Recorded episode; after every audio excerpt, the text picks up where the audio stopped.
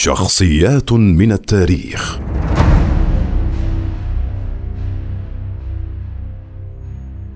أبو الطيب المتنبي الشاعر الأشهر. هو أحمد بن الحسين أبو الطيب. ولد بالكوفة في محلة تسمى كندة. وكان أبوه سقاء فيها. رافق أباه إلى بلاد الشام ثم تنقل في البادية. وأخذ عن أهلها فصاحة اللفظ وبلاغة العبارة. حفظ الكثير من شعر العرب. كان منذ نشأته كبير النفس عالي الهمة وطموحا.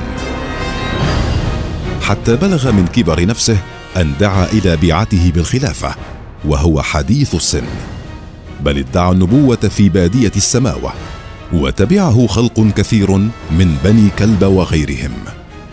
وقبل أن يستفحل أمره خرج عليه لؤلؤ أمير حمص ونائب الأخشيد فسجنه حتى تاب عن دعوته فأطلقه.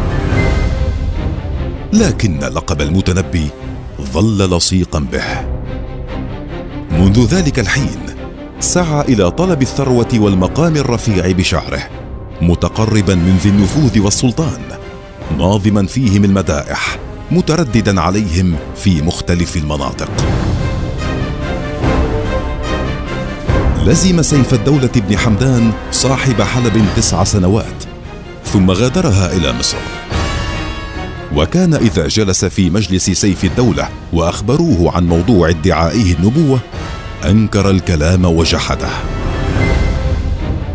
دخل مصر سنة 346 ومدح كافور الأخشيدي وكان يقف بين يديه وفي رجليه خفان وفي وسطه سيف ومنطقة.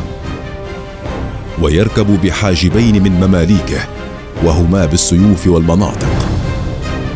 وكان المتنبي يطمح في ولاية فلم يوله كفور فهجاه وفارقه ليلة عيد النحر سنة 350 فوجهه كافور خلفه عدة رواحل فلم تلحقه فشد وقصد بلاد فارس.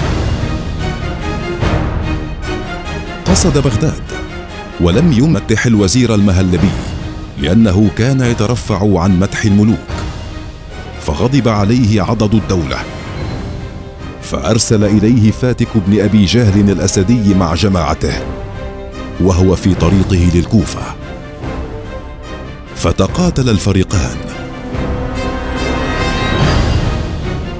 ولما رأى أبو الطيب الدائرة عليه هم بالفرار ويقال أن غلامه قال له يا أبا الطيب أما أنت من قال الخيل والليل والبيداء تعرفني والسيف والرمح والقرطاس والقلم فقال له المتنبي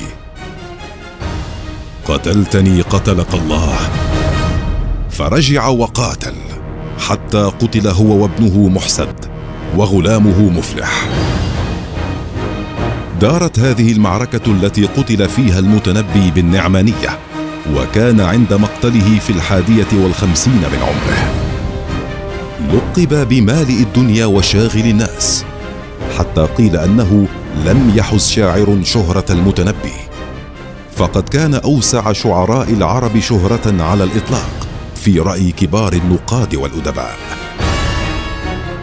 ويقول المؤرخين لولا سيف الدولة لما كان المتنبي ويقول آخرون لولا المتنبي لم يكن سيف الدولة ترجمت بعض أشعاره وآرائه في الحياة إلى اللغة الإنجليزية بعنوان رباعيات أبي الطيب المتنبي كان أبو الطيب المتنبي شاعر العرب.